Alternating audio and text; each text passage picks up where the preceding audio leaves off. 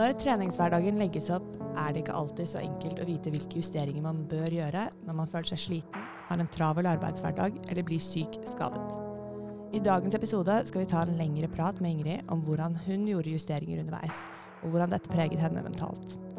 Som f.eks. i oppkjøringen til Boston Marathon. Gikk alt på skinner for henne? I andre del av samtalen med Ingrid ser vi på hvordan vi legger opp til andre morsomme løp underveis i treningsplanen vår. Hvor mange uker før maraton bør man kjøre et halvmaraton? Og når kan man gjennomføre en 10 eller 5 km? Ingrid gir råd rundt dette og ser i egen treningsplan hvilke løp hun gjennomførte underveis i egen maratonblokk før Boston Maraton. Velkommen til Løperådet, en podkast produsert av Runners World. Mitt navn er Ingrid Eliassen Eriksen, og med meg i podden har jeg Live Linemark. Og Josefine Brekke.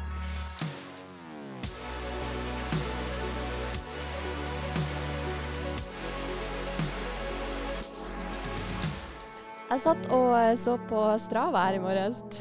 Altså, noen har virkelig vært ute før fuglene fis. det er ikke meg, er det deg, Josefine?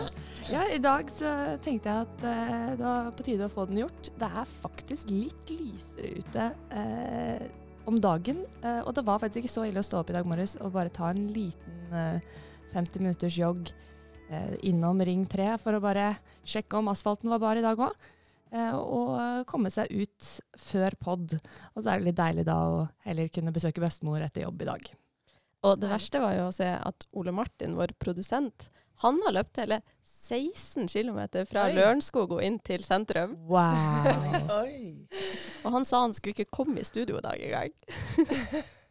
så her er vi og leverer mandag morgen. Men det er jo åpenbart at uh, det begynner å telles ned til uh, Boston Marathon. Vi nå, har gjennomført 6 av 13 uker. Det betyr at vi har syv igjen. Ja, i dag skal vi snakke litt om uh, hva vi har gjort i det siste. Og en liten status på treningen og eventuelt ikke-treningen. Vi skal også diskutere et tema med Ingrid. Hvordan hun gjorde justeringer når det dukket opp uforutsette ting i livet. Sykdom og skader og sånne ting. Um, vi skal også gå gjennom treningsperioden som har vært, og hvordan vi legger opp de neste ukene. Og så skal vi selvfølgelig ta noen interessante lyttespørsmål. Og så inni der skal vi også se litt på noen løp vi har yeah. lyst til å gjøre videre. Det skal vi også gjøre. Vi skal titte litt på hva, hvilke løp vi skal uh, skvise inn i kalenderen før og etter Boston. For det er jo ikke jeg klar for akkurat nå. du ble litt nervøs når jeg sa til deg at uh, noen uh, meldte halvmaraton 8. eller 9. mars. Da, Helt uaktuelt. Ja, det var det. Men uh, Ingrid, hvordan har denne uka gått for deg? Drit. Drit. Fire bokstaver. ja. Vært en lang uke på sofaen. Nå er jeg i dette Per Heimly-siktet ditt. Det begynte jo ikke sant, Jeg var jo litt sånn godt mot på mandagen. Eh, men gikk inn i sånn, en dobbel eh, arbeidsdag. Var ferdig klokka halv tolv på kvelden fra legevakta. Kom meg ut på en løpetur tirsdag og onsdag. Og så satt vi et foredrag med uh, Sylve Norskar på, på, ettermiddagen på onsdagen, hvor uh, jeg, jeg fikk ikke på meg nok klær. og det var spesielt kaldt i det rommet, så jeg tror kanskje det var litt forvirrende for alle, fordi jeg begynte også å kle på meg. Eh, men så skjønte jeg at eh, Ingrid var kald på en litt annet eh, nivå. Ja, ja. Det, det, var akkurat som at noe ble eh, kasta på meg rett der. Og siden da har jeg vært slått ut med et eller annet Både fysisk og psykisk. Hjelp meg.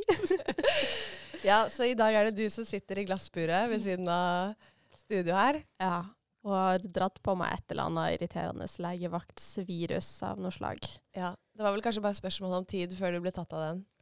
Ja, og det Jeg har liksom jobba disse to ukene med å prøve å snu dette til noe positivt. Og det har vært liksom viktig for meg at det er fortsatt syv uker igjen til Boston Marathon. Det var nå greit at når leggen, eller låret, ble dårlig akkurat nå, så, så ble jeg litt syk i tillegg. Så kanskje det var en mening med det at jeg skulle roe meg litt mer ned. Den setningen der har du øvd på, eller? jeg tror du sa den først, og så har jeg bare gått med det som et sånn mantra etterpå. Ja, Det er godt å høre at den kommer inn Det setter spor til slutt. ja. Det, men uh, i dag føler jeg meg mye bedre. Og ja. det har vært god støtte fra hele, hele gjengen her, så jeg er klar. Ja, så bra. Det er godt å høre og se at det går riktig vei. Hva med deg, Livet? Du, em, det går bra, altså. Eh, bortsett fra at været holder på å stjele all livsgnisten som er igjen her, så, så har jeg egentlig bare hatt to problemer denne uken. Og det ene er at jeg holdt på å dø på tirsdag i, eh, i isete trapper. Eh, Men Var det på løpetur, eller hva skjedde? Em, det var på vei hjem fra jobb. Ja. Jeg, er veldig fristet til å vise blåmerket jeg har på rumpa, bare for å få reaks- reaksjoner på poden. Gjør det. Gjør det. OK, skal vi gjøre det? Ja, ja. Nå tar uh, Live ned buksesmekken her, og så drar hun ned din venstre. Oi! Ja. Det er mange fine farger der samlet. Der var det et venstrelår som så ganske hissig ut. Eller Ja, det fikk seg en salig smell der på tirsdagen. Eh, så det medførte da nesten to dager hvile etterpå, for jeg var helt eh, Det var både jeg trengte psykisk og fysisk hvile etter en rutsjetur ned trappa. Det andre er jo at jeg har hatt en liten blemme på en tå. Og er i ferd med å utvikle Norges minst sexy tær. og det lurer jeg på om jeg snart må gjøre noe med. Fordi tåa mi er i ferd med å bli et sånn derre bølgeblikk... Hva heter det? Blikktak. Eh, Men jeg vet jo at du, Ingrid, du sliter jo med det samme, så det kan jo hende vi kan få en slags to for én-deal et eller annet sted. Må ikke du kaste meg under bussen her? Jeg er den eneste som har noe å må forholde meg til her. Jeg tror vi kan være tre for én. altså. Ja. Jeg mangler noen tånegler her og der, jeg òg. Fordelen for oss Josefine er jo at vi ikke er single. Men uh, Ingrid beholder kanskje sokkene på hele tiden. Du vet det der når eh, du er første sånn parforhold Du vet at du er i et parforhold når du Ja. tør å liksom gå på do med døra åpen. Her blir det når du tør å ha sex.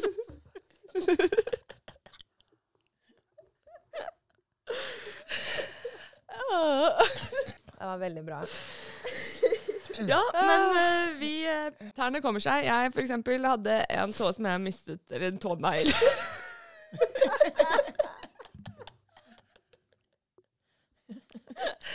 Tror ikke vi kan snakke noe mer om det.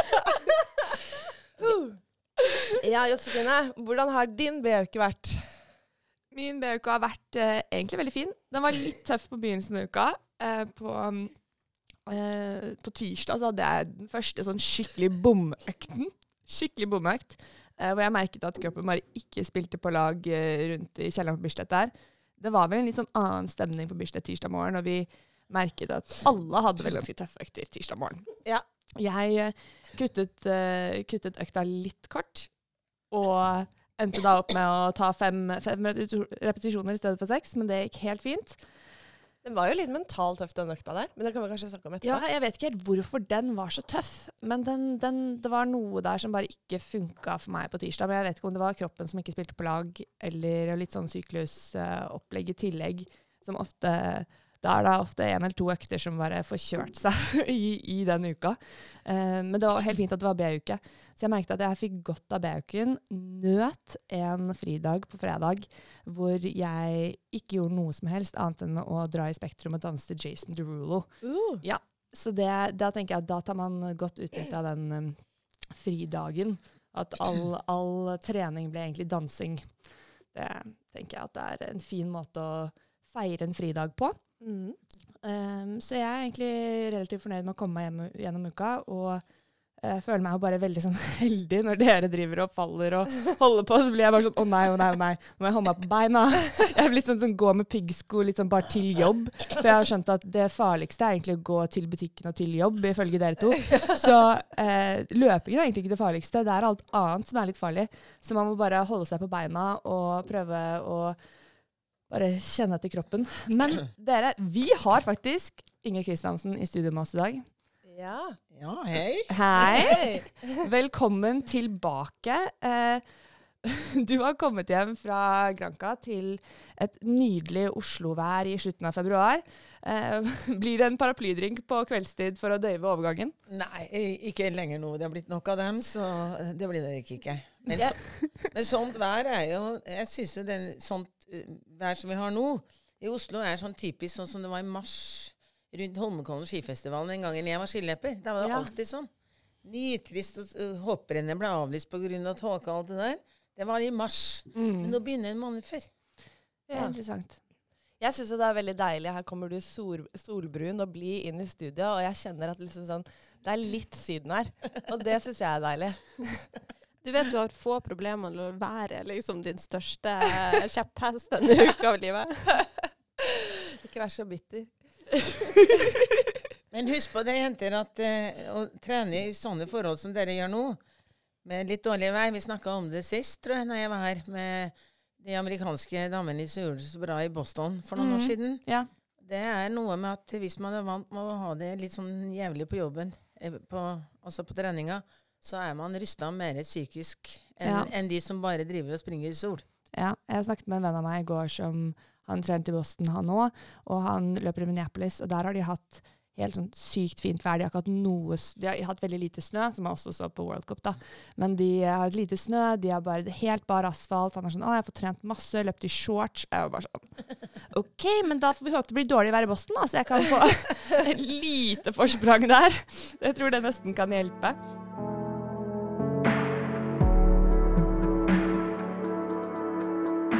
Vi eh, titte litt på hva vi har gjort de siste ukene? Um, ja, personlig så syns jeg at jeg er i en veldig god flyt. uh, jeg har fått uh, gode rutiner på treningen, sovet godt, hatt en fin balanse mellom uh, jobb, moro og trening. Og kjente også at det var litt deilig å endelig få en B-uke her nå. Eh, Kose seg med en hviledag som kom litt tidligere enn planlagt fordi jeg har tryna, da. Eh, og så har jeg benyttet anledningen til å fylle på med litt eh, annen moro innimellom. Så tror jeg vi Få Ja. danset fra deg bryllup. Ja, det har jeg. Um, jeg har jo litt lakenskrekk, sånn at jeg uh, angret jo Jeg tenkte liksom dette blir et chill bryllup, for det var ikke så stort. Men uh, klarte å gjøre det til en fest, vi. Det var da kanskje litt tøft å komme seg ut på en langtur på søndag, eller? Ja, det har jo på en måte blitt mitt eh, lille problem, da. Det er å få løpt disse langturene på en ordentlig måte. De kommer jo på søndag der, ikke sant. Og da er du litt sånn ferdig med uka egentlig, men så har du en lang økt igjen. Så det blir jo sånn som jeg alltid gjør. Ligger lenge på sofaen og tenker på når jeg skal dra på den turen. Og så til slutt så klarte jeg å hake meg ut i går, da. Og da ble jeg heldigvis møtt med bar asfalt. Eh, og tok meg en runde langs kysten, og det var eh, nydelig. Rakk ikke lyset, men det var flott likevel. Det var fullmåne, faktisk. Så Ja. det var litt sånn lys. Jeg, vet, jeg, jeg bare prøvde å tenke på alle de positive tingene, og i dag morges da jeg så også fullmåne, så tenkte jeg sånn Lys fra fullmåne. OK, jeg tar det. Du er virkelig nyfrelst i dag. Hvis jeg skal titte litt tilbake på de siste to ukene, så må jeg jo si at favorittøkten det har jo blitt denne tempoøkten. Den føles uh, Ingrid gir tommel opp her. Den føles veldig relevant, og jeg føler at jeg blir en bedre, løper av det. Og hvis jeg skal uh, gi meg selv litt uh, ris på baken, så er det jo fordi jeg har lurt meg litt unna disse sprunglaufene, styrketreningene og stigningsløpene. Jeg har glemt de. jeg har hatt litt eh, vondt i den ene leggen, uh, eller stiv legg, eller et eller annet, så jeg har droppet de. Og så lurer jeg da litt på Betyr det noe, Ingrid? Altså, ikke for maraton. Altså, det er ikke det verste å kutte ut. Og dessuten, så, sånn som det har vært ute nå, så er det jo ikke så lett å få det til. Altså, Sprungloff kan man kanskje få til. Det blir jo litt sånn gammeldags spretten skigang, som jeg kalte det før. da. Eh, men, eh, men stigningsløp er jo, i hvert fall oppi der vi bor, er det helt håpløst å få det til. Så det er jo noe med å være litt smart der. at går det ikke, Får du ikke, får du ikke gjort det, så er det bedre å holde unna enn å, å gli på isen. Så det er noe, Skulle dere ha sprunget ti kilometer, så har det vært viktigere enn når dere skal springe maraton. Så det er mer for å krydre litt, for å få litt hva skal jeg si, litt trening for leggene på en annen måte enn inni en, eh, inni en hall eller på et treningsstudio. Mm. Vi har jo gjort det på tirsdagsøktene før, uh, før intervaller, men det syns jeg er Mm. hardt. altså Løpe stigningsløp så tidlig på morgenen. Ja, men det er jo litt, jeg tenker at for meg så har jeg sett stor Jeg synes det er, det er lettest å gjøre dem før intervall, for da er du liksom fortsatt det er det du skal gjøre, du skal løpe fort, og det er fint å få i gang pulsen og sånn. Så den, den ene runden på Bislett før vi på en måte begynner på tirsdager med selve intervallen og ha noen stigningsløp, det, det er på en måte de letteste i løpet av uka. fordi når man bare skal få inn den derre 50-minutteren eller 60-minutteren rolig, da er det ofte litt sånn Da skal man liksom bare få den gjort. Og da er ofte Jeg skal være helt ærlig. I dag, selv om jeg løp 8 km i dag morges, så ble det ikke noe eh, stigningsløp på meg på slutten av den. Nei. Så det er jo den der at man når man først skal løpe intervaller, så er det kanskje litt lettere å legge inn de stigningsløpene enn eh, så på slutten av en rolig tur som du bare skal liksom få inn i hverdagen. Ja, men husk på det at stigningsløp er jo mer for å få litt annen snert i muskulaturen når du går inn. Eh, så du, hvis man springer veldig mye langt, da, sånn 50 minutter, 60 minutter veldig ofte, og ikke har noe av de stigningsløpene, så blir man litt ikke daukjørt, men altså, kroppen blir litt annerledes.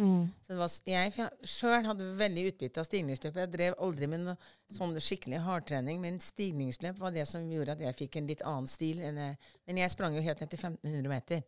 Så det var enda viktigere for meg enn, enn når man trener for maraton.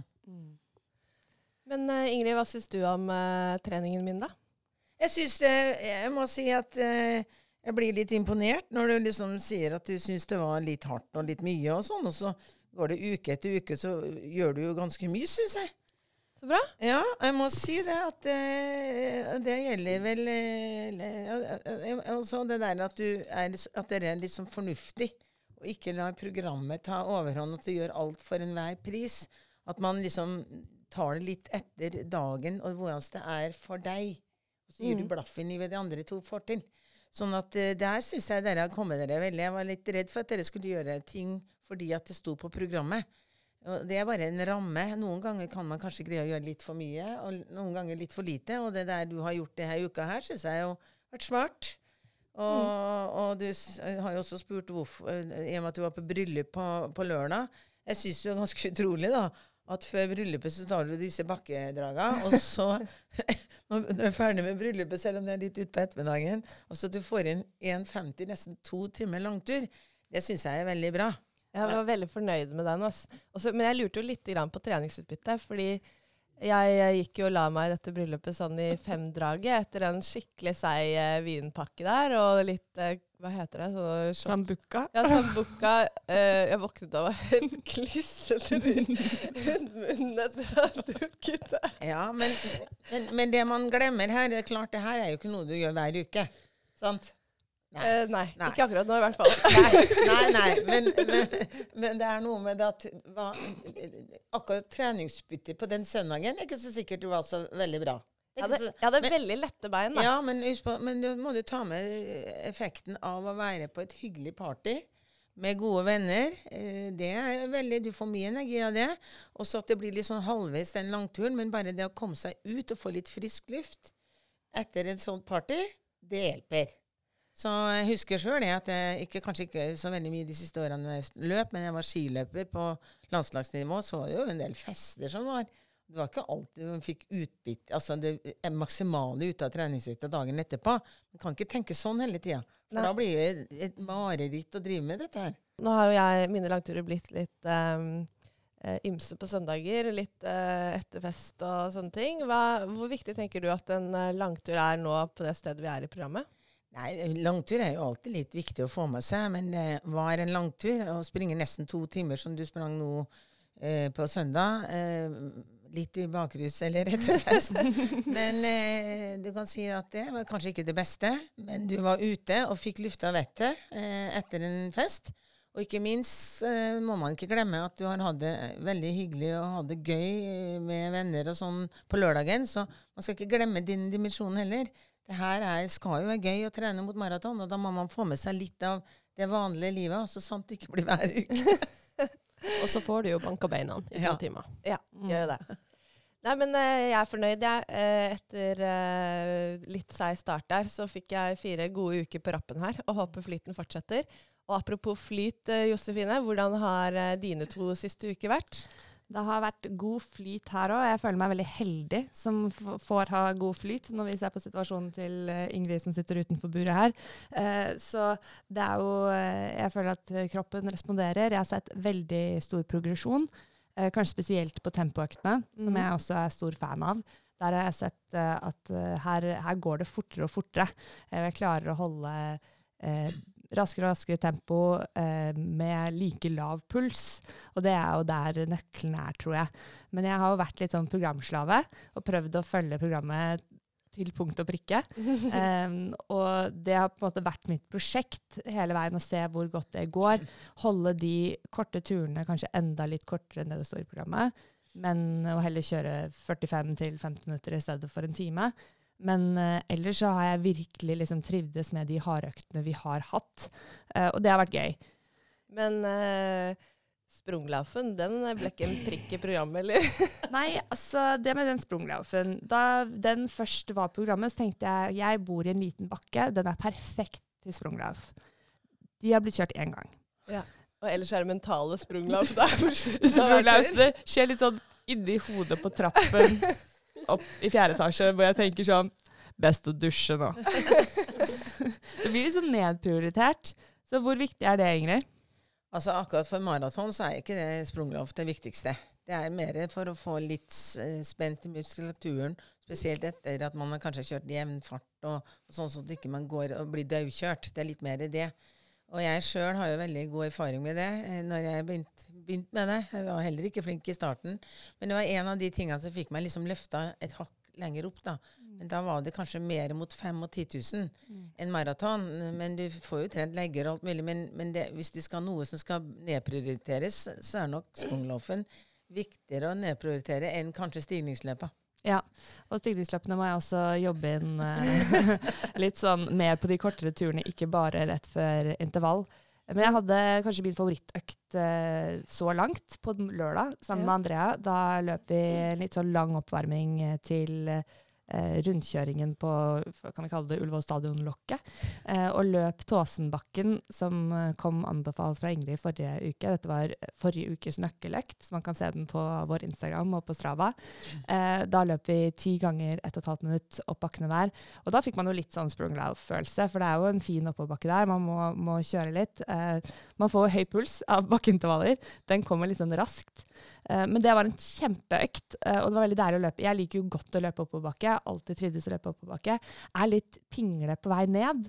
Jeg løp du ned da? Ja, jeg gjorde det. Mm. Løp den der joggingen på toppen, og så løp jeg liksom hardt ned igjen. og ned, der har, der har, jeg behov for mer øving.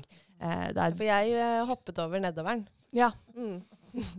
Jeg tror det er like greit. Ja. Men du er jo bedre, du er litt bedre på å løpe enn sånn nedover på sti, og du er en bedre nedoverløper. Jeg er rett og slett en skikkelig pinglete nedoverløper, så der har jeg stort forbedringspotensial. Men ellers så tror jeg du bærer på en liten bekymring rundt disse langturene. Stemmer det? Ja, jeg har tenkt litt på at uh, nå har det jo vært noen uker. Vi har løpt flere langturer. Uh, det har vært mye is uh, på veiene, og da har disse langturene kanskje ikke blitt like lange sånn i distanse som, som vi eh, som jeg har gjort før. Og da blir man litt sånn OK, nå er det seks uker igjen, syv uker igjen, og jeg har fortsatt ikke løpt en tur over 30 km. Betyr det noe, Ingrid? Nei, hvis, selvfølgelig. Hvis du har veldig tro på deg sjøl, at det er veldig viktig for deg, så bør vi kanskje legge inn én tur som er litt lengre. Det er klart. Men, eh, men, eh, min erfaring er at det, når det trener såpass mye Det, det som har kanskje løfta deg her nå, det er at du nå har sprunget nesten 100 km hver uke. Mm. Og det er jo, hvis du tenker det i totalen, så er jo det ganske bra. Så jeg tror nok at løftet ditt har nok kommet veldig mye av at du har plutselig fått litt flere kilometer, og noen av de kilometerne har gått litt saktere.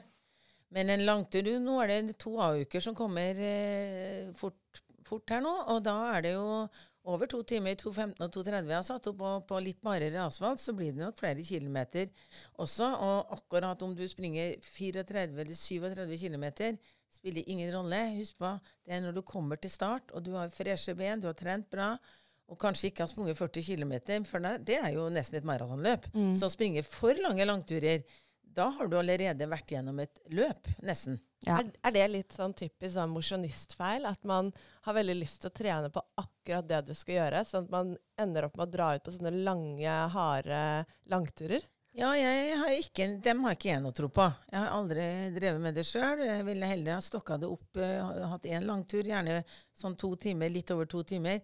Men å drive og gampa av gårde i for, kanskje litt for stor fart i forhold til hva man egentlig er god nok for. Mm. Og så koster det mer enn det smaker. Det går kanskje to dager før du kan gjøre noe særlig etterpå.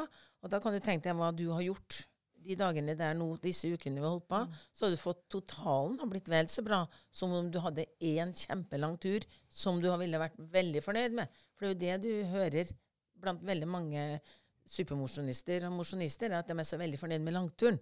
Ikke sant? Mm. Og du, du skriver jo alltid langturen på, på tid. Og det tror jeg er en, det er jo en greie sånn Vi skal jo ikke være ut, Vi håper jo at vi ikke skal være ute lenger enn tre, tre timer.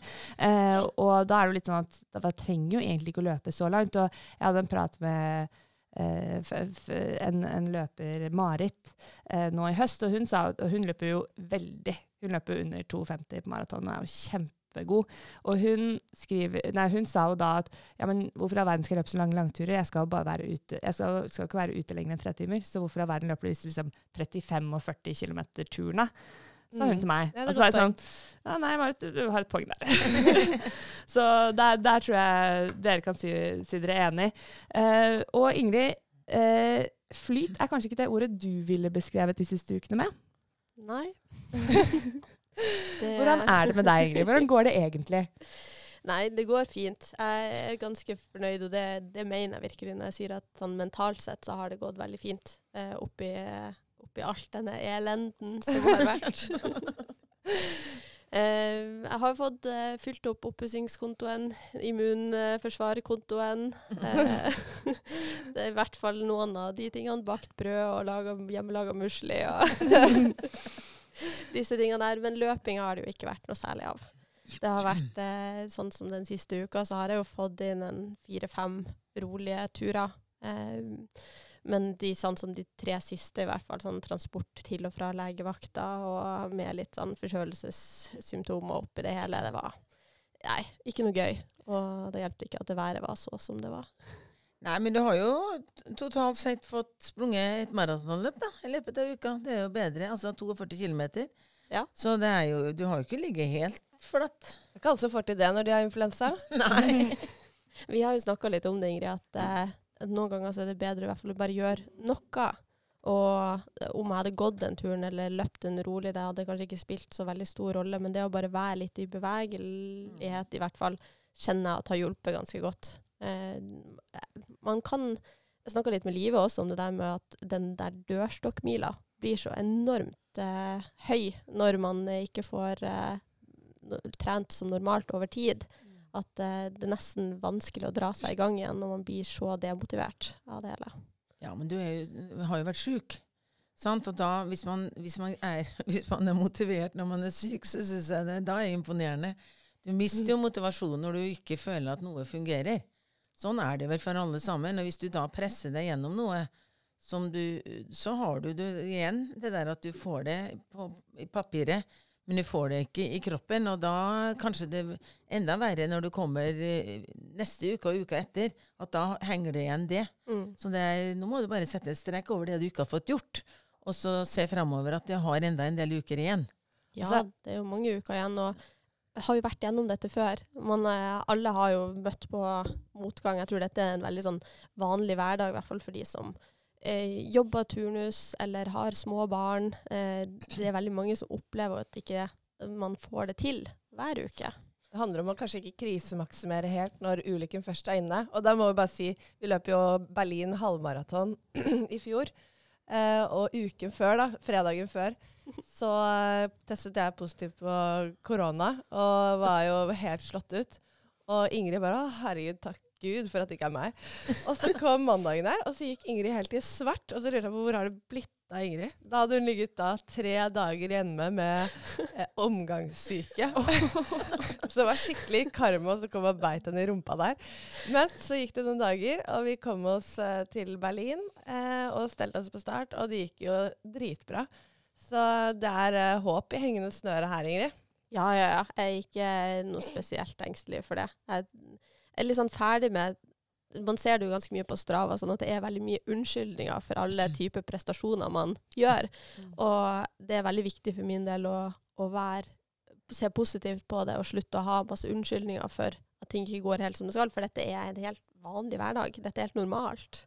Ja, altså De som greier å holde et program over veldig mange uker, sånn uansett da, så om du er toppidrettsutøver eller hva du er, om du er supermosjonist eller mosjonist, uansett, så er det nesten umulig. Altså, jeg, jeg har omtrent aldri greid å holde et program over veldig mange uker, hvis du tenker dag fra dag. Altså, det var jo alltid noen som, noe som skar seg. Enten var det unger som ikke sov, eller noe oppkast, eller, altså et eller annet. Men man måtte bare da glemme alt som var planen. Jeg tenker sånn at så fremover. Dette skal gå uansett. Eh, må ikke miste fokus. Eh, det blir som det blir. Og hvis du har den innstillinga der, veldig, og du gjør litt man, du, du, har jo ikke ligget på rygg til nå. Sånn at eh, man må jo tenke på alt det fine man har fått gjort, og så glemme det man ikke har fått gjort. Det ble jeg veldig god på etter hvert. Og det var faktisk noe av det som berga meg. Men jeg hadde igjen ikke alle det Jeg brydde meg ikke så veldig mye om hva alle andre gjorde. Så jeg visste jo at folk trente mye mer meg, eller bedre meg. Men, men jeg, jeg, jeg, hørte ikke med det øret. Sånn at eh, jeg var fokus på meg sjøl. Dette er det beste jeg kan gjøre, og jeg har mitt mål, og det skal jeg nå. Så det var mer sånn. altså Du må på en måte hjernevaske deg selv til å tro på at dette er bra nok i den situasjonen du har kommet opp i. Og det er jo noe av det vi snakka om i starten òg, at jo da, noen greier å gjennomføre programmet, og det går smertefrist. Og noen greier det ikke. Men når du kommer ut på andre sida, så er det veldig mye med hvordan du har tenkt underveis som mm. kanskje også kan, kan, slå ut på totale Eller det siste, når du står på startstreken. Mm. Og det er altså sånn spesielt se Chicago, for eksempel. I forkant av Chicago så fikk jeg jo denne stoffskiftesykdommen som faktisk slo meg helt ut over en lengre periode, midt i liksom tetteste oppkjøringa der. Og da var det jo bare igjen skrotprogrammet. Mm. Gjør det som Eh, du har lyst til. Vi hadde, tok med Josefine en tur opp til Bodø. Vi løpte Bodø-ryggen. Rolige turer. Bare liksom fikk energien tilbake. Og jeg har aldri følt meg så klar som når vi sto på startstreken i Chicago. Du er ikke helt enig, Live? Jeg var ikke klar. Jeg fulgte heller ikke programmet, men uh, det var vel uh, Det var ikke så mye rom for å gjøre de gode tilpasningene der. Så der var det jeg var ikke like klar som Ingrid. Men uh, det håper jeg at jeg er i Boston, i hvert fall. Ja, men nå ser, nå ser dere at uh, det er det derre Ja, kanskje du gjorde det vel så bra med å slippe å ta det programmet. Du fikk litt sånn Du hadde kanskje trent for mye, derfor ble du sjuk. Eller altså det, Man vet ikke hvorfor man får disse her skankene. Jeg har hatt noen sånne sjøl. Eh, hvorfor får man det? Er det fordi at man ikke lytter til kroppen? At man da kroppen gir et gir deg Altså du blir dårlig på en eller annen måte, så du blir pressa til å ta det med ro. Mm. Det kan jo også være noe. Jeg vet ikke, jeg, men jeg har slått meg mange ganger når jeg har blitt utsatt for sånne ting, at ja, kanskje det var på tide. At jeg hørte ikke verken på, på mannen min eller dem rundt meg. Jeg var så opptatt av å gjøre det, de riktige tingene som jeg trodde var riktig, som kanskje ikke var det. Og så ble jeg slått i bakken av et eller annet skade eller sykdom. Måtte ta det med ro, og så var jeg fresh. Sånn at jeg vet ikke hva som er høne og egget her, men, men det er, kan, kan, jo være noe der òg. Mm. Og kanskje det forhindrer at man uh, drar på seg en skade som man hadde fått senere, ja, eller et eller annet hadde kommet i veien. Jeg tror at uh, det handler jo mye om å tørre å kjenne litt etter hvis det ikke stemmer, og så ta noen valg ut fra det. Ja, men det syns jeg jo dere er ganske flinke til nå. Mm, ja, Overraskende flinke, altså. Jeg syns det, dere takla veldig bra.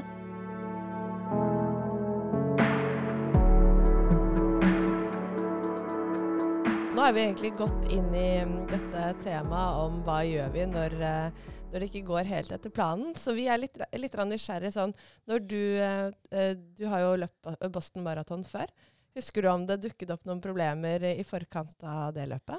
Ja, altså Jeg har jo løpt det noen ganger, og det har jo dukka opp. Men kanskje ikke akkurat før Boston hadde jeg ikke så mye problemer. Jeg hadde vel mer problemer rett ved London et år. Men jeg husker jo i hvert fall første gangen jeg løp Boston, og da, da hadde Grete måttet ha brutt et par år før.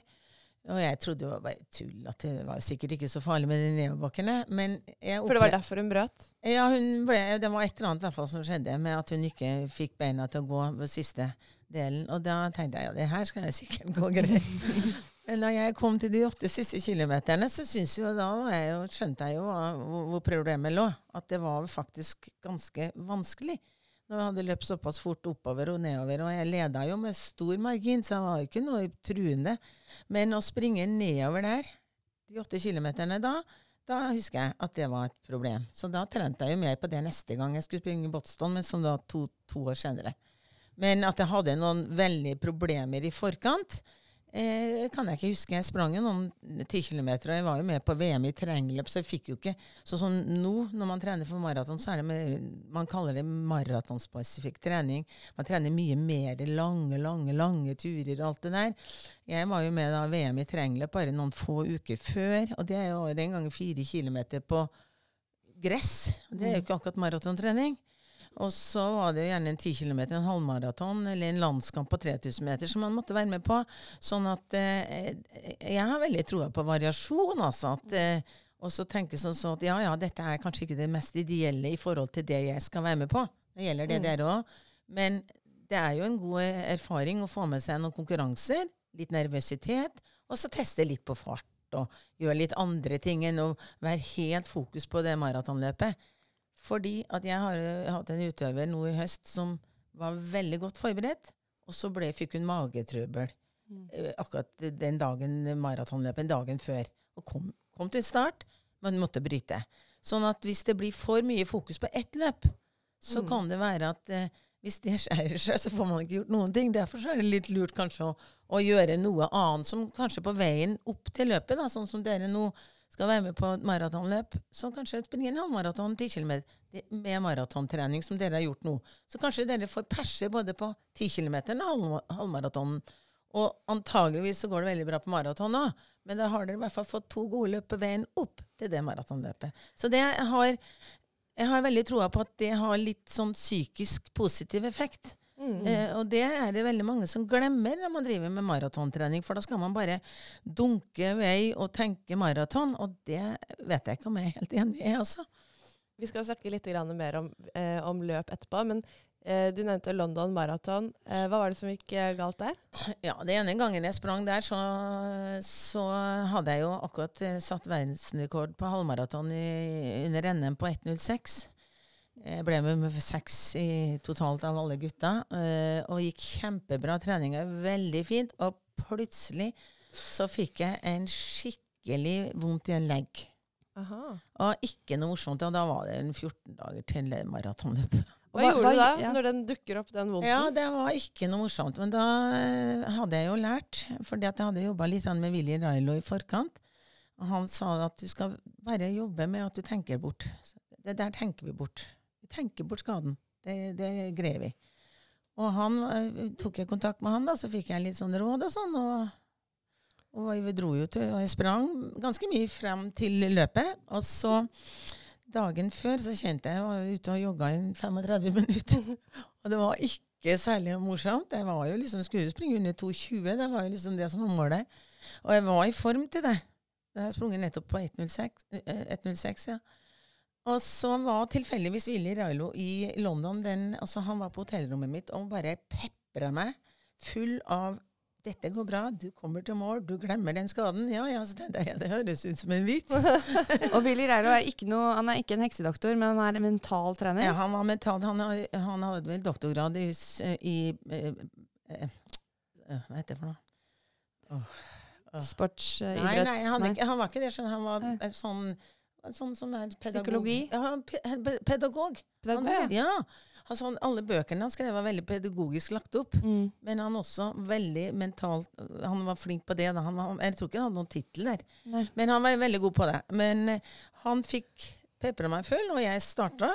Var helt klar på at nå skal jeg springe under 2,20. Ja. Det gikk veldig fint til 35 km. Da greide ikke hodet mitt å jobbe mer mot den skaden. Så da ble det limping, som de sa, de engelskmennene rundt meg. You are limping. Mm. Eh, og da var jeg jo som fem, seks, syv kilometer igjen, men det gikk jo. Jeg sprang jo inn på 2,22 da, den gangen. Så jeg var egentlig ganske fornøyd. Men jeg var veldig skuffa, vet ikke, for det var mitt livs sjanse til å springe under 20, 2,20. Ja. Ja. Men sånn er det. Altså, jeg har jo da trent med litt vondter, men jeg var veldig forsiktig med å trene hardt. Men jeg var ute og gjorde litt. Og så tenkte jeg ja, men det her må jo gå allikevel, for jeg er jo så godt trent. Mm. Men Så du egentlig bare eh, kjørte en slags eh, ignorans, eller ignoreringsøvelse der. Men det var jo fordi at du måtte, det var ditt mål, og du skulle på start. Så man kan kanskje tillate seg det hvis du skal løpe et maraton og begynner å kjenne på en vondt. Så kan man på en måte prøve å eh, ofre den skaden og eh, gjennomføre målet sitt, og så får man hvile senere. Jeg måtte jo ta Jeg tok jo mange uker fri. Jeg sprang jo ikke på en og en halv to uker etterpå, da. Nei. Sånn at det var jo ikke en sjans noen ting. Men jeg hadde iallfall bare prøvd, og det vil jeg jo ikke anbefale. Men her var det jo, jeg hadde gått ut og sagt jeg skulle springe to, under 2,20. Jeg hadde akkurat sprunget på 1,06. Prøvde å holde denne skaden skjult. Det var liksom Ja. bare Johan og, og jeg og Willy og mannen min som visste om en. Mm. Sånn at eh, vi prøvde å liksom igjen da ikke skylde på noe som helst i forkant. For å ha det på den sikre sida at ja, hvis det gikk dårlig, så ja, der var det sånn. Derfor det gikk så dårlig. Jeg prøvde å holde det skjult, altså. Men, men det var tydelig at det, det gikk ikke så bra. Så det gjorde jeg jo ikke senere. Nei. Nei. Det, Ja, Det var litt eh, gøy, fordi jeg tenkte her, nå kommer den der klassiske sånn, ja, da må du ta to uker hvile Ja. og løpe hardt. Og så var sånn, tenke bort skaden! Og det er jo, men jeg hadde gjort det før. Jeg hadde sprunget øh, på Bislett og jeg med sånn og, og, og, og skulle vinne det løpet. Og hadde M- Liz som konkurrent akkurat den gangen. Og jeg kunne jo ikke bryte Bislett Nei. med hjemmepublikum, hvor jeg hadde satt verdensrekord før. Det var for pinglete. Mm. Så jeg sprang jo inn og ble slått. Men da var jo noe annet. Da hadde jeg jo ikke en skade. Da hadde jeg bare øh, en, en, en øh, graviditet utenfor livmoren, så jeg måtte jo bli rett på sjukehuset etterpå. Og, så det var ikke bra. Det var jo 88. Småting. Det og noen ganger må du på sykehuset. Det var Jeg kjenner, kjenner på Men det kroppen. høres ut som du eh, er jo ganske beinhard. At du er ikke redd for å trene selv om du har litt grann vondter. Men du gjør noen justeringer i programmet. Og hvilke justeringer gjør du da? Ja, justeringer er jo det at jeg kuttet, kutta ut alt som hadde med fart å gjøre. Jeg tenkte sånn at Her var det maraton jeg skulle springe. Jeg hadde akkurat sprunget et halvmaraton som var så bra. Her var det bare å ta litt, trene mindre, men å være ute sånn at du ikke ble helt død i bena. Men jeg kjørte jo ikke noen intervaller og sånne ting. Det gikk jo ikke, for da hadde jeg i hvert fall ikke kommet til start. Så det er liksom det der som jeg sa til Ingrid her, du har sprunget 42 km i uka. Det er jo bedre enn å ikke gjøre noen ting. Du har gjort noe, men du må bare kutte ut alt det med kvalitet. Mm. For det har man jo ikke så mye igjen for. Har du, noen, har du noen tips til Ingrid her som skal ake seg opp i fart igjen? Jeg hadde vel vært litt forsiktig med kvalitetstreninga. Jeg ville vel heller sagt heller springe ikke for fort. Da går du selvfølgelig på puls, men, men kanskje pulsen din er lav når du begynner på å trene, for du har litt overskudd og sånn. At du kan tenkes at du kan springe ganske fort med lav puls. Så da tror jeg du skal heller springe, være konsekvent og springe med litt for lav puls og litt for lav fart, sånn at du ikke du eh, eh, går på noen ting. At det, er bedre at du får gjort noen kilometer litt saktere enn å kjøre da alle disse intervallene og de lang, denne distanseturen. Distanseturen er kanskje den beste turen å springe.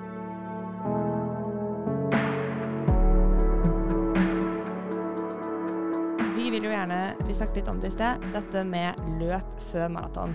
Og for noen uker siden Ingrid, så la du ut på Instagram en liste over det du gjorde før du vant i Boston. Eh, og da så jeg noen morsomme ting her. Jeg så du, lå, du løp f.eks. en 3000 meter på bane, eh, som jeg syntes var spennende. Eh, jeg så du løp en 10 km. Eh, og dette er jo en god sjanse til å også kanskje, jeg vet ikke for min del, kanskje perse. Jeg har veldig lyst til å perse på f.eks. 10 km. Det sa jeg første gang jeg møtte deg, Ingrid. Da kom jeg inn hjemme hos deg og så var sånn Jeg skulle gjerne løpt 10 km fortere enn det jeg har gjort. Mm. Eh, og Ingrid sa at det er mulig. Eh, og den treningen vi gjør nå, den er ikke bare til maraton, den er også til halv Hun sa vel ikke bare at ti. det var mulig, men sa vel det burde du ja, du burde vel kanskje Det burde du klare. Oi, ja, det burde du klare. Uh, nei da. Så det, der er det Det er mye man kan gjøre der. Uh, men det er jo ikke så lenge til dette maratonet. Når tenker du det er ideelt å legge opp eh, en 10 km halvmaraton før et maraton? Ja, altså en halvmaraton, eh, da ville jeg eh, kanskje løpt fire til tre uker før. Det er jo ganske ideelt. Eh, og en ti kilometer kan du gjøre eh, uka før. Ja. Ja. For det er jo noe Ingrid her på sida har gjort noen ganger. At du har løpt en 5 km all out uka før maraton. Det har du hatt gode erfaringer med. Stemmer. Kaller det en sånn fem kilometer all out, Ja. som er gjort eh, lørdag eller søndag i forkant av eh, maraton. Og det som det type løp har gitt meg, er en enorm selvtillit. Eh, det har gitt meg på en måte de rette svarene i forhold til det løpet jeg skal gjøre. Eh, og også fått testa litt denne rutinen da, med å våkne om morgenen, spise mat og forberede Ja. seg til et løp. Tenker du det er lurt å legge inn disse løpene før eh, maraton? At man har noe erfaring rett før med å løpe løp? Ja, jeg tror det. For da får du også den derre litt Hva skal jeg si? Du får trent på syke, den at du blir nervøs, du renner på do. Eh, hva du kan spise før du Kanskje brødskive med syltetøy, eller loff med syltetøy, eller eh, sjokoladepålegg. Kanskje det som er tingen for å liksom greie den siste finishen for hva, hva maven din tåler. Og hvis du springer da en ti kilometer fort, så er jo det veldig belastende for maven det òg, selv om det ikke tar så lang tid. Så er jo da hva, hva tåler du? Så jeg har, veldig, jeg har, veldig, jeg har alltid hatt troa på å konkurrere, jeg, men jeg har jo alltid likt å konkurrere. Å legge, hvilke løp kommer du til å legge inn eh, i vår eh, kalender? Nei, altså, nå har jeg ikke sett så mye på hvilke løp som går som passer inn i deres eh, Men sånn som eh, Drammen 10 er vel et løp som kan gå. En uke før Ja. Drammen 10. Ja, kanskje vi må ake oss til Drammen? Se om det går. Det er jo eh, Jeg så på lista i hvert fall, så har du jo fem uker før så er det Haag halvmaraton. Mm. Og så har vi Lisbo halvmaraton fire uker før. Det hadde jo vært liksom helt optimalt. Det er bare det at det er Birken i helgen, så der, eh, der er det mange som skal opp og heie. Men den hadde jo vært ideell, og den har jeg løpt en gang. Den i Lisboa. Da Ja. var jeg ikke i form, så den var litt vond. Men uh, den er veldig, veldig fin. Den er rask. Ja. Den er rask. Ja. Oh, fristende. Og så har du Palma og Mallorca for olivet tre uker før. Jeg er veldig keen på en tur til Syden. ja, ja. Men problemet her er jo kanskje at for alle oss tre så har tid eh, noe å si. Tid og penger også. Altså min oppussingskonto er den eh, tømmes hver eneste uke, så jeg, det er ikke sikkert jeg har tid til å reise noe sted. Men hva gjør vi da? Nei, men da går det jo an å, å si at den helga som eh, Vet ikke om det er i forhold til Birken. Birken søndagen eller Mm. lørdagen? Det er lørdagen. Ja. 16. Og da er det kanskje ikke så smart å ta Tesla på søndag. Jeg vet ikke. Ja. Men, men kanskje, jeg har tenkt litt på den, der, den 10. mars-helgen, at det kunne vært en fin, fin helg å bare få testet et halvmaraton. Om vi lagde vårt eget, f.eks. Det er seigt snart, altså. Den kommer, snart. den kommer jo veldig tidlig, og jeg, Ingrid holdt jo på å begynne å grine da jeg foreslo den datoen i går. Ja, det er jo kanskje litt tidlig, men, eh, men eh, den, skal da er jo ganske mange uker før det, da. Ja, det er fem uker før. Ja, og så når, for, dere som har, så, for dere to som har greid å følge Eller ikke hatt problemer, så det kan komme litt brått på for Ingrid da, den tiende. Mm. Men er dette noe man må gjøre? Nei, nei, nei, man må ingenting. Men det er faktisk ganske lurt å For hvis du springer ti, eh, en halvmaraton alt du klarer noen uker før, så kan det sammenlignes med mye som en, eh, som en, eh, kjempelang tur. Mm. Mm. Fordi at du springer med større fart. Du får mer slag på beina. For det, det får du når du springer fortere. Og så det er minst, ikke minst den man lager det som et testløp. Da, hvis du ikke får, får løpt det fordi at man eh, eh, ja, Et løp utenlands eller i, i Norge, men at man lager det som et testløp. At det er et løp. Mm. At det ikke er sånn at ja, men det var bare et testløp, så det var ikke så farlig. Da skal man være konkurrenter. Man skal springe alt man klarer. Og den som springer fortest, er best akkurat da. Som takla den dagen best. Så det er ikke noe sånn sånn ja, testløp greier jeg ikke å springe noe fort, fordi at da er det ikke så alvorlig. Da må man si at dette er alvorlig nok for dere. Og de som skal være med, da. Jeg mistenker at jeg er sånn det, det svakeste mentale leddet når det kommer til å presse på sånn testløp hvor Ja. det ikke er med startnummer. Ja, men det, er- vi kan jo lage startnummer. Ja.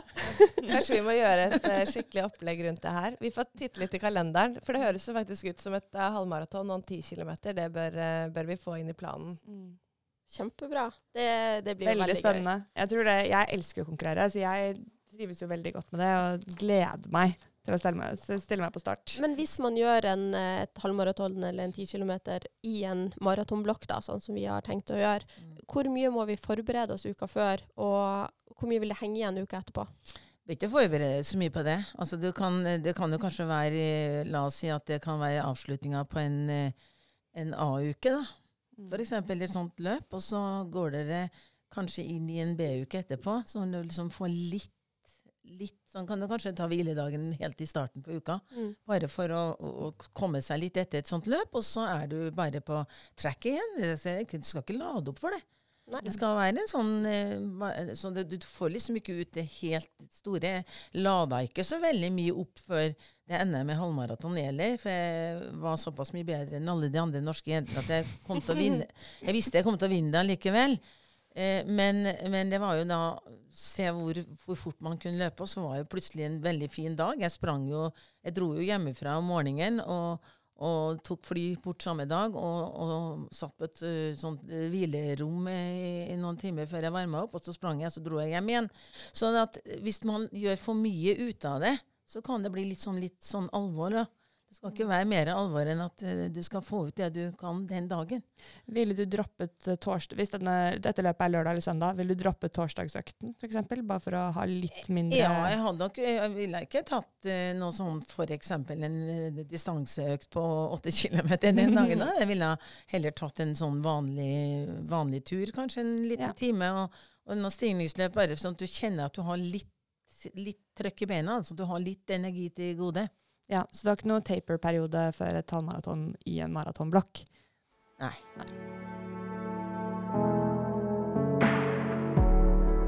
Jeg har fått et veldig fint eh, spørsmål fra ei som eh, Anonyme Anna, som vi kaller henne. eh, hun skriver her. Hun opplever ingen fremgang eh, i løpinga si. Det har stagnert det siste året, noe som går ut over motivasjonen til å trene videre. Hun har løpt ett maraton tidligere på litt over fire timer, og ønsker nå å forbedre denne tida. Hun løper rundt fire ganger i uka, med én intervall og én langtur, og resten rolig korte økter. Hun kjenner seg sliten og tung i beina etter gjennomførte økter.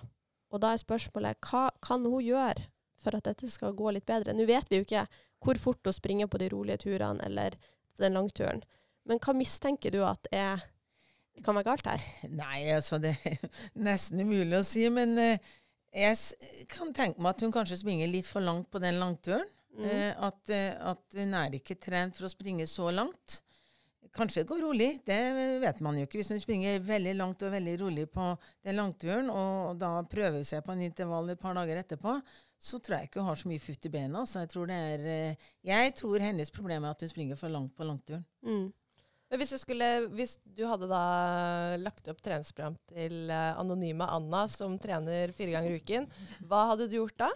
Nei, da hadde jeg vel prøvd å variert treninga. Hun gjør kanskje akkurat det samme hver uke. Det vet jeg jo ikke.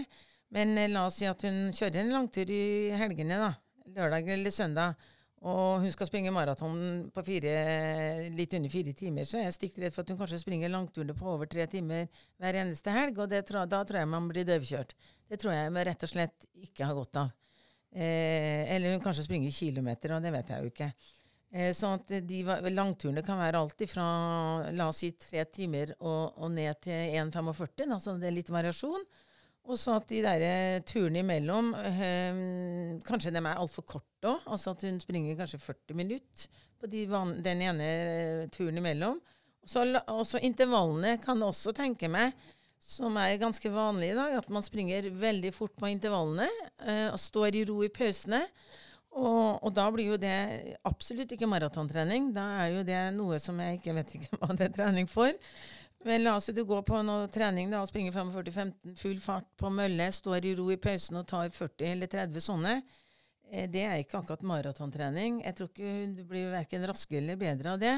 Så, men, men vi vet for lite om henne. Men jeg ville nok lagt opp kvalitetstreningen, variasjon også, og kanskje kjørt litt sånn eh, tempo-distansetrening til denne personen som kanskje har fått litt mer løps, god løpsøkonomi på litt sånn halvstor fart. Og det er jo en økt vi alle har nå forsøkt over flere uker og har hatt et enormt eh, godt utbytte av. Sånn at det at hun anonyme Anna kan legge til ei eh, tempoøkt der Ja, jeg tror det. Mm. Altså, eller at hun varierer en tempoøkta eh, med intervallene. At ah, hvis hun trener tre til fire ganger, så er det nok med én kvalitetsøkt, kanskje. At den eh, kan være en distanseøkt en uke, og neste uke en intervalløkt med aktive pauser. Ja. Ja, en eller annen variant. Det ville jeg vel kanskje Men eh, det hadde vært en fordel å sette henne, å sette henne løft. Og, og komme, da kanskje hun kommer med noen andre råd, men, men det er sånn umiddelbart, det ville jeg sagt. Og det er jo det som er fint, at folk kan jo ta kontakt direkte med deg, Ingrid, for eh, litt oppfølging. Ja da, jeg har faktisk eh, fått ganske mange henvendelser etter at vi har begynt med denne podkasten. Det er veldig mange som er interessert i å høre hvordan vi jobber, og, eller hvordan jeg jobber, og, om jeg, jeg springer så sakte, du er sikkert altfor sakte. For den er alle, alle like viktige for meg. For jeg er interessert i at de som skal eh, ha, drive med løpe, skal gjøre det fordi at de skal synes det er gøy. Og så får vi satse på at de når de målene de har satt seg. Ja, og det er også veldig gøy å se på Strava at folk tagger oss i økter. Og det er jo utrolig mange som har prøvd seg på denne tempoøkten. Det tror jeg er en litt ny økt for folk. Eh, og det ser jo ut som folk uh, liker den like godt som det vi gjør. Ja, og det er gøy å se at de løper dem i hele, rundt i hele landet. Ja, men det, det er bra. Det er morsomt. Men uh, ei som heter Linni, hun spør jo hva er disse stigningsløpene vi snakker om, eller SL som vi noen ganger skriver. uh, jeg tenker vi må forklare litt nærmere hva det vil si. En, en stigningsløp altså Jeg var ikke noe spesielt god på det når jeg begynte å løpe. Uh, første perioden jeg hadde kontakt med Johan. Han sa at du skal, må begynne med en stigningsløp, og da trodde jeg at jeg skulle springe motbakke. Mm. Var liksom skiløper, motbakke. Men, men her var det altså å springe ca. 80-100 meter med stigende fart. Og da vil det si at du begynner liksom litt sånn halvveis joggende, og så går du fortere og fortere, men du skal ikke ha maksfart. Nei. Du skal flyte, og så eh, av og til når jeg gjorde det her for meg til jobb eller på vei hjem, så tok jeg det siste eh, 500 meter, så tok jeg stigningsløp, så jeg var liksom ferdig når jeg kom hjem. For at det var liksom litt ork å begynne med det når du kommer hjemme, og så skal du begynne å gjøre det rett utenfor huset eller på, rett utenfor jobben. Så det gjorde jeg, men da, da springer du da fem, og så øh, fem sånne. Fire til seks, sier jeg da. Eh, som, eh, som er stigende fart. Og du skal ikke løpe for fort. Du skal tenke på at du har en god flyt. Du skal ha god stil. altså Du skal ikke heise skuldrene og krampeløpe, for det blir ikke stigningsløp. Det, skal ikke, det skal ikke være drag. Det skal være et stigningsløp som er økende fart. Og der er det nok mange som kanskje misforstår at du, du gjør det full fart. Og det skal man ikke, for da, da kan du springe på deg en skade. Så det, det, er veldig viktig at du gjør det med progressiv fart. Da. Og etter hvert så merka jeg i hvert fall selv at jeg fikk en mye bedre stil. Jeg greide å flyte på stigningsløpet. Og etter hvert så ble det jo mer og mer fart på det, og jeg ble jo bedre og bedre på det. Men man må begynne, der er det det samme. Man må begynne der man er. Har man ikke drevet med dette, så må man ikke begynne for fort. Hvor lang pause mellom eh, hvert? Altså, i, I starten så jogga jeg tilbake til start, og så gjorde jeg det om igjen. Så da ble det jo ganske lang pause. Men etter hvert så har jeg jo ikke tatt så veldig lange pauser. Det, det varierer litt hva jeg trente mot, men det er en veldig effektiv måte å få litt snert i beina, litt, eh, litt, eh, litt sånn snert i muskulaturen når du f.eks. løpt i 45-50 minutter i samme farten. Hvis du da avslutter denne treninga med noe stigningsløp, så har du litt mer eh, litt sterkt i muskulaturen når du går inn og dusjer, så du føler deg bedre eh, når du går ut på neste økt. Da er du ikke så døv som du var hvis du bare går rett inn i dusjen. Jeg pleide noen ganger å gjøre, eksempel hvis jeg løpte en 50 minutter eller en time, så tok jeg et stigningsløp hvert tiende minutt, eller hvert femte minutt i, i løpeturen, bare for å spice opp litt på det. Ja, Eh, Nei, det har jeg aldri prøvd. Det, det, det kan godt tenkes at det er like effektivt. Det vet jeg ikke. Det tør jeg ikke å svare på, faktisk. Men får man litt sånn samme utbytte av å ha fått gjort stigningsløpene, eller burde man gjøre det samtidig? Nei, jeg tror, jeg tror faktisk ikke det er det samme hvis du legger det inn i løpet av 50 minutter. Og tar det. Jeg tror det er lurere å gjøre det i etterkant. Litt sånn at det gjør du når du avslutter treninga. Og da er den treninga må, ikke, helst ikke over en time hvis du skal gjøre det her. Da har du kanskje allerede fått såpass mye juling i beina. Ikke sant. Skal vi gå over til eh, den eh, eh, kommende uka, så har du plukka ut ei nøkkeløkt. Da Ja. har vi satt Økta da er 15-20 minutter med oppvarming og 4-6 stigningsløp. Før vi går over på 5 ganger 1600 meter med Ja. to minutter pausejogg. Og det er jo en Det er jo mile, det, da. That's a mile. Ja, yeah, that's smile, så der er jeg nok litt som litt på uh, Jeg gjorde en del av det. Vi sprang vel kanskje 1500 meter, men uh, jeg har litt, blitt litt inspirert av Susanne Vigre, som Ja. hadde da uh, Hun sprang jo veldig mye 1600 meter, og det var jo fordi hun hadde Knut Kvalheim som trener. Og han tenkte mer i miles, for han studerte i USA og var mer på milen.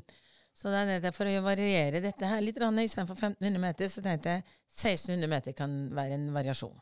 Og det er jo ca. tre runder på Bislett. Ja, var det jeg fant ut. at det kanskje var, Hvis dere gjorde det på Bislett, så er det veldig greit å ha noe som er sånn cirka som stemmer for dere Ja. når dere springer på Bislett.